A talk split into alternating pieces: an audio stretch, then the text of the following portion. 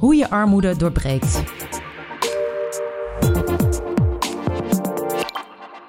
Je luistert naar een podcast waarin we op zoek gaan naar wat jij zelf voor een ander in armoede zou kunnen betekenen. Maar ook wat er zou moeten veranderen om armoede in ons land te doorbreken. Deze podcast is een aanvulling op het gelijknamige boek. Ik ben Elma Vriesekolk en ik ga in gesprek met gasten die ons inspireren vanuit hun eigen vakgebied en ervaring. In deze aflevering ga ik in gesprek met Paul van der Lek, hoofddocent filosofie en morele economie aan de HAN. En met Jessica van Hintem, vanuit haar ervaringsdeskundigheid en als oprichter van het Beleefhuis. Welkom allebei. Um, het thema van deze podcast is Stop het faciliteren van rijkdom.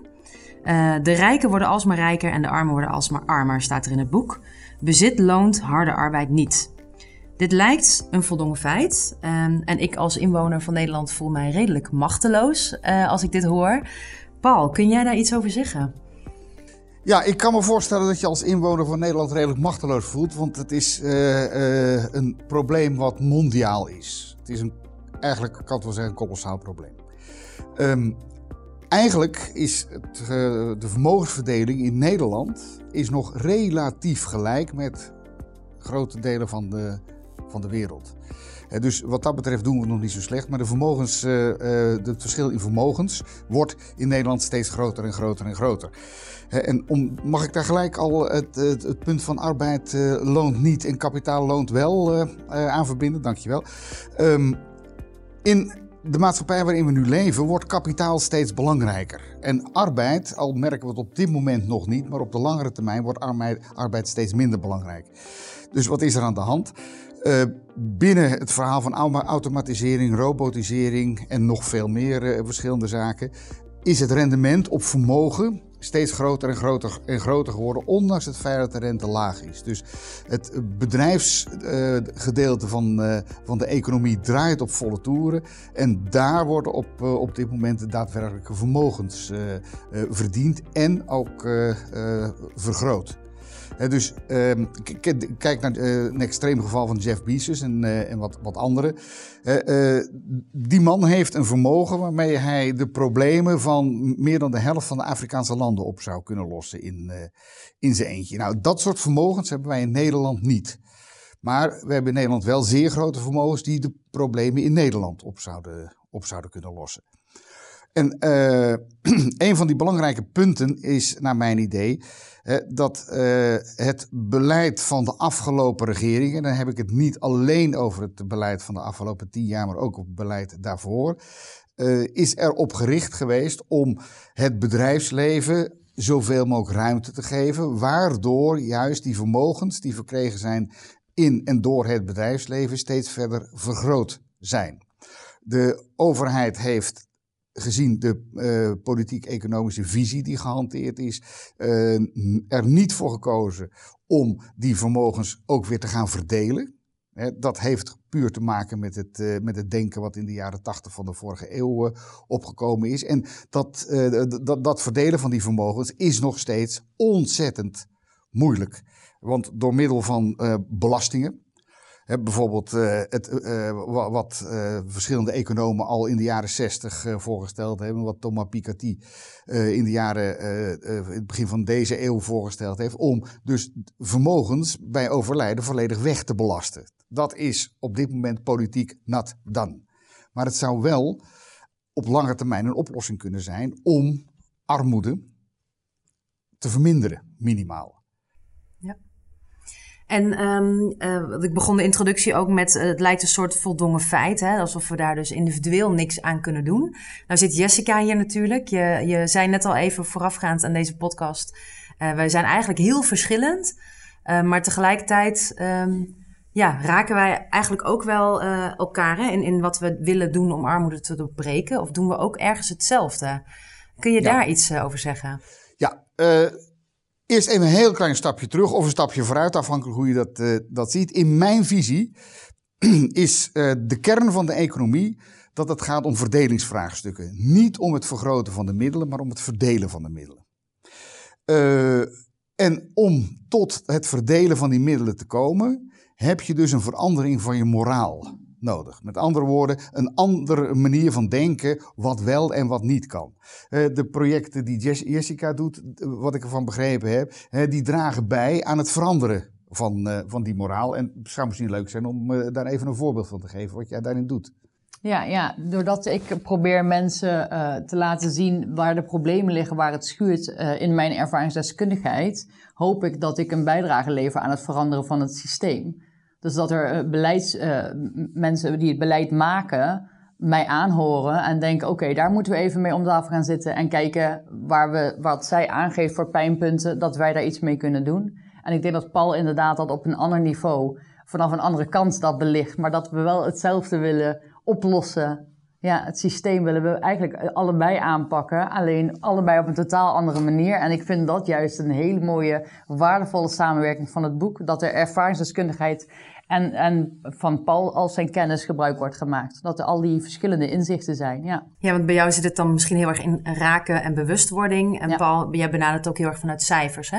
Wat je net ook zei van uh, dat de rijken in Nederland. In feite, als zij zouden afromen wat ze allemaal te veel hebben, zouden we al heel veel kunnen oplossen.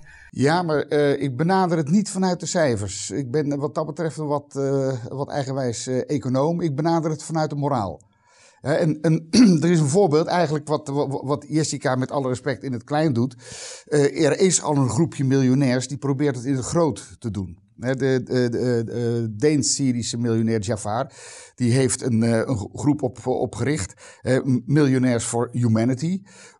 Daar zijn op dit moment dus 100 miljonairs lid van. Dat is een fractie van de miljonairs die er in de wereld zijn maar je moet, moet ergens eh, beginnen, net als eh, met de projecten van Jessica. Eh, je moet ergens moet beginnen. maar die pleiten er dus voor om de overheden te dwingen om meer belasting te heffen aan, aan miljonairs. Ja, dus, dus die mentaliteitsverandering, die Jessica met haar projecten voorstaat, die gebeurt ook gelukkig op een ander niveau. En beide niveaus zijn voor mij van onschatbare waarde om mensen ervan te laten doordringen dat hun denken over economie, hun denken over hun plek in die economie, hun denken over eh, het feit dat ze dus door allerlei situaties grotere of kleinere vermogens verdiend hebben, dat dat niet uitsluitend komt door hun eigen inzet, maar meestal door de maatschappij waarin ze leven. En dat is dus wat uh, uh, Jafar, die Deens-Syrische miljonair, ook benadrukt. Hij zegt, ik had nooit miljonair kunnen worden als ik niet in een georganiseerde maatschappij als de Deense dat had kunnen doen. Zonder al die harde arbeiders. Uh, ook dat, ook dat, maar uh, uh, ook de, de mogelijkheden die de overheid geeft. En de overheid speelt in het, het hele verhaal van de armoede een bijzonder belangrijke rol. want uh, de armoede die wij op dit moment hebben, en misschien geldt dat zelfs voor, uh, voor het overgrote deel van de armoede in uh, de loop der eeuwen, is wat ik noem systeemarmoede. Dat is geen armoede die ontstaat doordat er gebrek is aan middelen, maar omdat wij een systeem hanteren dat die middelen op een bepaalde manier verdeelt. Ja, en die verdeling daar komen dus uiteindelijk steeds meer drop-outs uit voort. Uh, er wordt op dit moment zelfs, en dan praat ik uh, hoofdzakelijk over Nederland, nieuwe armoede gecreëerd. dus jonge mensen die niet aan een huis kunnen komen, zowel een koophuis als een huurhuis, en dus gedwongen zijn om allerlei of creatieve maatregelen te nemen. door in huisjes te gaan wonen, caravans en dat soort dingen, of bij de ouders thuis te blijven wonen.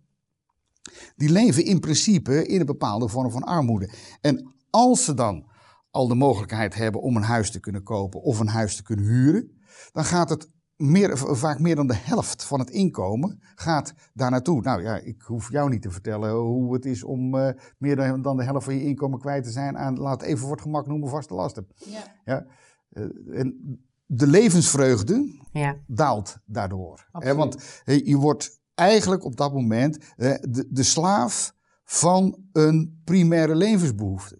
Ja, en dat is dus ook, heeft ook niks meer met generatiearmoede te maken. Het zijn inderdaad de nieuwe, nieuwe armen. Hè? Of uh, uh, mensen met kans op armoede in ieder geval. En want uh, heb jij die ervaring dus ook, Jessica, begrijp ik, vanuit je woonlasten? Ja, ja, ja. De, de vaste lasten tezamen uh, zijn, zijn, uh, zijn hoog, worden ook steeds hoger. De toeslagen voor werkende mensen zijn steeds lager. Dus je moet steeds meer jezelf bedruipen. En daar is op zich niks mis mee. Alleen als ik zie dat mijn man bij een overuur 66% belasting betaalt, dan denk je drie keer na of dat je een overuur gaat werken. Want dan is de lol wel vanaf. Je ziet je gezin bijna niet. En je houdt er eigenlijk een appel en een ei voor over. Maar ja, je bent wel gedwongen om te werken, omdat je je vaste lasten moet betalen. En als je dan in armoede leeft en je hebt te maken met zaken als loonbeslag of bankbeslag of inboedelbeslag of weet ik veel wat, dan komen daar zoveel zaken van buitenaf bij kijken die jou nog meer druk geven om te blijven werken of zelfs nog meer te gaan werken, dat je nog meerdere banen zou gaan aannemen om überhaupt rond te kunnen komen. Ja. En wat jij zegt over die 66% is dat uh, voor iedereen dan hetzelfde? Of zo'n overuur? Of is, hoe werkt dat bij mensen die heel goed verdienen? Volgens mij, ik heb eigenlijk geen idee uh, hoe dat zit bij mensen die heel veel verdienen, want wij horen helaas niet bij die categorie. Alleen ik weet wel, mijn man was toen een vuilnisman en bij die overuren s'avonds, dus als je in de avonduren op papier gaat rijden, zoals dat uh, in de volksmond heet, dat hij als chauffeur dus daar rondreed, al die uren werden voor 66% belast. En ik weet wel dat hij toen via het uitzendbureau werkte en we hadden het geld heel hard nodig, waardoor hij bijna iedere avond wel weg was. Maar uiteindelijk was het tientjeswerk wat je overhield. En dat is gewoon zonde van je tijd. Hoe, hoe graag je ook wilt, je voelt je best wel, nou ja, in de boot genomen, ja. ja. Maar dat, dat wat, Jessica aangeeft, dat geldt voor uh, in principe iedere vorm van inkomen uit, uh, uit arbeid. Uh, kijk maar gewoon wat, wat, je, wat we allemaal meemaken, wat er gebeurt als je je vakantiegeld krijgt. Daar ben je de helft aan kwijt, sowieso, omdat dat valt onder bijzondere beloningen. en overwerk valt binnen het belastingregime, het belastingssysteem, ook onder bijzondere beloningen. Maar waar we ons heel erg met z'n allen van bewust moeten zijn, dat het hele economische bouwwerk wat we in de loop der eeuwen gemaakt hebben, dat dat geen natuurlijk proces is, maar dat het een optelsom van allerlei menselijke handelingen is. Waarmee ik wil zeggen, en daar zijn, eh, eh, denk ik, toch veel collega-economen, moet ik eerlijk zeggen, zich niet, naar mijn idee, volledig bewust van, dat de systemen kunnen veranderen. Alles wat wij mensen creëren kan veranderd worden. Dat ligt niet figuurlijk in beton gegoten. Zelfs als het in beton gegoten is, kan het nog veranderd worden. Maar je kan het altijd nog slopen. Ja, het, uh, uh, de basis van de natuur, de basis van de ecologie, kunnen wij niet veranderen. Ook al zijn we er wel mee bezig, maar dat kunnen we op dit moment nog niet daadwerkelijk veranderen. Maar die structuren die we zelf bedacht hebben, om het even zo te zeggen, mm. zelf ontwikkeld hebben, die kunnen tot op de bodem veranderd worden. En bij wie begint dit? Dit, dit begint bij de politiek. Ja. En, maar de politiek begint bij jezelf. Dus, en als eh, docent morele economie en filosofie kom ik altijd op het punt van alles wat de mens creëert is ook amoreel. Met andere woorden, kan geen antwoorden geven of iets wel of niet kan. Een gebouw is een gebouw op zich. En waar het voor gebruikt wordt, hè, tussen aanstekens goed of slecht, dat is aan de mens, niet aan het gebouw zelf. Dus dat zijn keuzes. En alle keuzes die men maakt, dat zijn dus uiteindelijk morele keuzes. En met gebouwen, de je gebruikt de metafoor voor het systeem. Voor het systeem, ja. Kijk, dus het financiële systeem wat wij eh, hanteren, maar wat we niet kunnen zien, is in zichzelf amoreel. Dat, dat, dat, dat, dat kan niks voor zichzelf bepalen. Alleen. Hoe we voeding, hem gebruiken. Die voeding die wij eraan geven, hoe wij het gebruiken, bepaalt dat wel. Met andere woorden, de mens is altijd de basis van het, uh, van het geheel. En we moeten werkelijk af, naar mijn idee, van de gedachtegang dat uh, de economie een natuurlijk systeem is, wat loopt zoals het loopt. Nee, het is geen natuurlijk systeem. Op een gegeven moment loopt het wel zoals het loopt, maar het is altijd beïnvloedbaar. dus daarom ram ik er, om het even onsympathiek te zeggen, ook altijd in. Denk eraan dat alle economische vraagstukken in basis verdelingsvraagstukken zijn. En alle verdelingsvraagstukken zijn in mijn visie ook morele vraagstukken. Ja, hoe verdelen we het? Waarom verdelen we het zo? En er komt een hele briljante vraag: kan het ook anders? Ja. En we komen altijd op het punt, ja, het kan anders. Maar doen we het ook anders? Ja, want bijvoorbeeld de hele toeslagenaffaire is natuurlijk iets wat iedereen kent, waar iedereen over gehoord heeft. Uh, volgens mij is ook niemand, uh, is er niemand die zegt, nou, dat is toch niet zo erg wat daar gebeurd is. Volgens mij zijn we daar met z'n allen behoorlijk uh, van geschrokken, van hoe het kan gaan in Nederland. Is dat dan een kantelpunt, denk je? Gaat dit iets teweeg brengen? Het zou een kantelpunt moeten zijn. Maar kijk naar de afwikkeling van die affaire. Maakt absoluut niet duidelijk dat het een kantelpunt is. Uh, ik, uh, uh, ik, ik, ben, ik, ik, ben bang dat het, dat het uiteindelijk geen, geen kantelpunt zal zijn, omdat het heel lastig is om zo'n systeem te veranderen. Het kan veranderd worden, maar het is heel lastig om het te veranderen. Maar ik blijf erop hameren: het is geen verandering van de regels, het is een verandering van de moraal. En ehm, die moraal is sinds eigenlijk, uh, eigenlijk de verlichting veel te sterk gericht op de ratio van de mens. Dat alle keuzes, economische keuzes die een mens maakt, rationeel zijn. Ik hoef jou niet uit te leggen, Jessica, dat dat niet zo is. Nee, dat is niet zo. Uh, en uh, toevallig is, is er deze week, of afgelopen week, een boek verschenen van de psychiater Helweg. als ik luister, waarin hij dus zegt van heel duidelijk maakt eh, uit zijn psychiatrische praktijk dat die rationaliteit van de mens eigenlijk zwaar overdreven is. De mens heeft een ratio, gebruikt in bepaalde gevallen de ratio, maar in een heleboel gevallen wordt die ratio dus niet gebruikt. Gewoon onbewust. Onbewust. Ja. Een heleboel keuzes die gemaakt worden zijn, uh, zijn onbewust. En dat is, dat, dat, dat, dat is ook helemaal niet vreemd. Ik geef altijd het voorbeeld uh, van uh, er is niemand die een hypotheek afsluit omdat het logo van de hypotheekverstrekker zo leuk is. Dat wordt puur rationeel gedaan. Maar het huis wat het onderpand is, wordt dat ook rationeel gekocht? Nee. Dat lang niet altijd. Nee. dus gewoon een heel simpel voorbeeld wat, uh, wat, wat de meesten van ons wel, uh, wel meegemaakt hebben. dus die ratio, die moet je niet overschatten. Moet je ook niet onderschatten, die moet je ook niet, uh, niet overschatten. Met andere woorden, er zit ook een heel zwaar psychologisch heel belangrijk psychologisch vraagstuk onder. En die moraal en die psychologie, dat, eh, dat hoef ik denk ik niet uit te leggen, ook al is het heel complex, die hebben zeer sterk met elkaar te maken. Uh, en daar ligt naar mijn idee ook in de politiek nog steeds veel te weinig de nadruk op, omdat die moraal uiteindelijk niet rationeel is. Met andere woorden, is niet in getallen uit te drukken. Dus er is een, uh, nieuw moraal nodig binnen het nieuwe kabinet. Of er moet een andere kleur of een, een wijziging van kleur gaan komen. Of hoe... Bij de bevolking. Ja. Het moet echt dieper. Ja, Dat, dat maakt het, het, het moeilijkst. Waardoor er alleen nog maar politiek mogelijk is die daarop aansluit. Ja. ja. Uh, want ehm, naar mijn idee is het mogelijk om alle armoede alle systeemarmoede, is vrijwel alle armoede, de wereld uit te helpen. En als het geen systeemarmoede is, dus of mensen wonen in gebieden waar, uh, uh, waar de verdroging plaatsvindt, dat soort zaken, zijn andere verdelingsmechanismen mogelijk om dat te voorkomen. alleen, ja, het is heel moeilijk voor mensen in zijn algemeen, dat moeten we ook bekennen, om uit bestaande systemen te komen, uit bestaande patronen te komen. Ja. ja uh, iedereen die gerookt heeft en uh, geprobeerd heeft te stoppen met roken, die, die, die, die weet hoe moeilijk uh, dat is. En probeer maar iets aan je eigen gedrag te veranderen. Ja, want maar, die rijken, hè, wat je vertelde, die, die, dat collectief van rijken die dus al het een en ander doen, dat hebben we in Nederland nog niet, hè? Of er zijn nog geen rijken opgestaan? Volgens mij zijn er weinig tot geen miljonairs in Nederland die, daar, die zich daarbij aangesloten hebben. Zou dat misschien een eerste stap kunnen zijn? Dat zou een hele belangrijke eerste stap kunnen zijn. Kunnen we die mensen bij deze oproepen?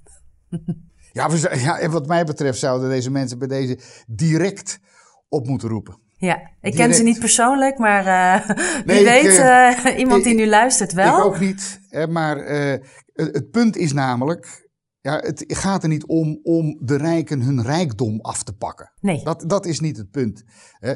Maar het uh, het begint dus overduidelijk te worden in de maatschappij dat er noodzaak ontstaat om die rijkdom af te romen. Ja. ja? En uh, als je 10 miljoen hebt en er wordt 2 miljoen afgeroomd, ben je nog steeds heel rijk. Hoor. Ja, precies. Ja. Het gaat dus echt over eerlijk verdelen. Het gaat dus echt Ja. over verdelen. En Dus het is, het is eh. voor mij, eh, dus mijn verhaal is niet, we, we moeten die, die, die of iets dergelijks. Nee, daar gaat het niet om. Want je, eh, hoe vreemd het ook klinkt, je hebt dat soort lieden in je maatschappij ook nodig. Zeker. Ja. Voor alle, allerlei, allerlei dingen, ook voor anderen om zich aan op te trekken. Maar nogmaals, het afromen. Ook al is dit politiek nog steeds geen eh, populaire opmerking. Het afromen moet mogelijk zijn. Maar dan wel, en dan komt er weer een ander belangrijk punt waar we zeker in deze podcast niet uit zullen komen. Met wereldwijde maatregelen. Jessica, wil jij nog eh, tot slot iets toevoegen aan wat Paul gezegd heeft? Ja, ik wil eventjes eh, inhaken op dat politieke stukje, even heel kort. En dat is eigenlijk wat ik de mensen die naar deze podcast luisteren wil meegeven, is dat ze moeten gaan kijken eh, wat de mensen waarop ze kunnen stemmen in hun beleid hebben staan en vooral gaan stemmen. Ik denk dat je daarmee ehm, eh, een kantelpunt kan creëren in ieder geval. Ja, dus Ga ga in ieder geval stemmen. Ga ja. stemmen. Ga in ja. ieder geval stemmen. Ja. En kijk goed, eigenlijk met andere woorden wat, wat Jessica zegt, kijk goed naar die partijprogramma's. Er zijn bijvoorbeeld partijen in Nederland die in hun programma hebben staan dat je alleen maar mag wonen in het huis wat op je naam geregistreerd staat. Dus als een, eh, je mag niet wonen in een huis wat op. eh, eh, je mag, eh, dus mag geen huis, meer huizen hebben dan waar je in woont Waar je zelf woont. Ja. waar je zelf woont. Dat is Ja. een verstrekkende maatregel. Dat is echt zo'n maatregel die het totale systeem verandert. Maar denk over dat soort maatregelen minimaal eens eventjes na. Je hoeft het er nog niet mee eens te zijn. Maar stel jezelf open dat er ook dit soort denkwijzen En het effect daarvan. Ja, Ja. hartstikke goed. Nou, dank jullie wel allebei. Zeer leerzame podcasten, ook voor mij. en eh, eh, nogmaals bedankt. Graag gedaan.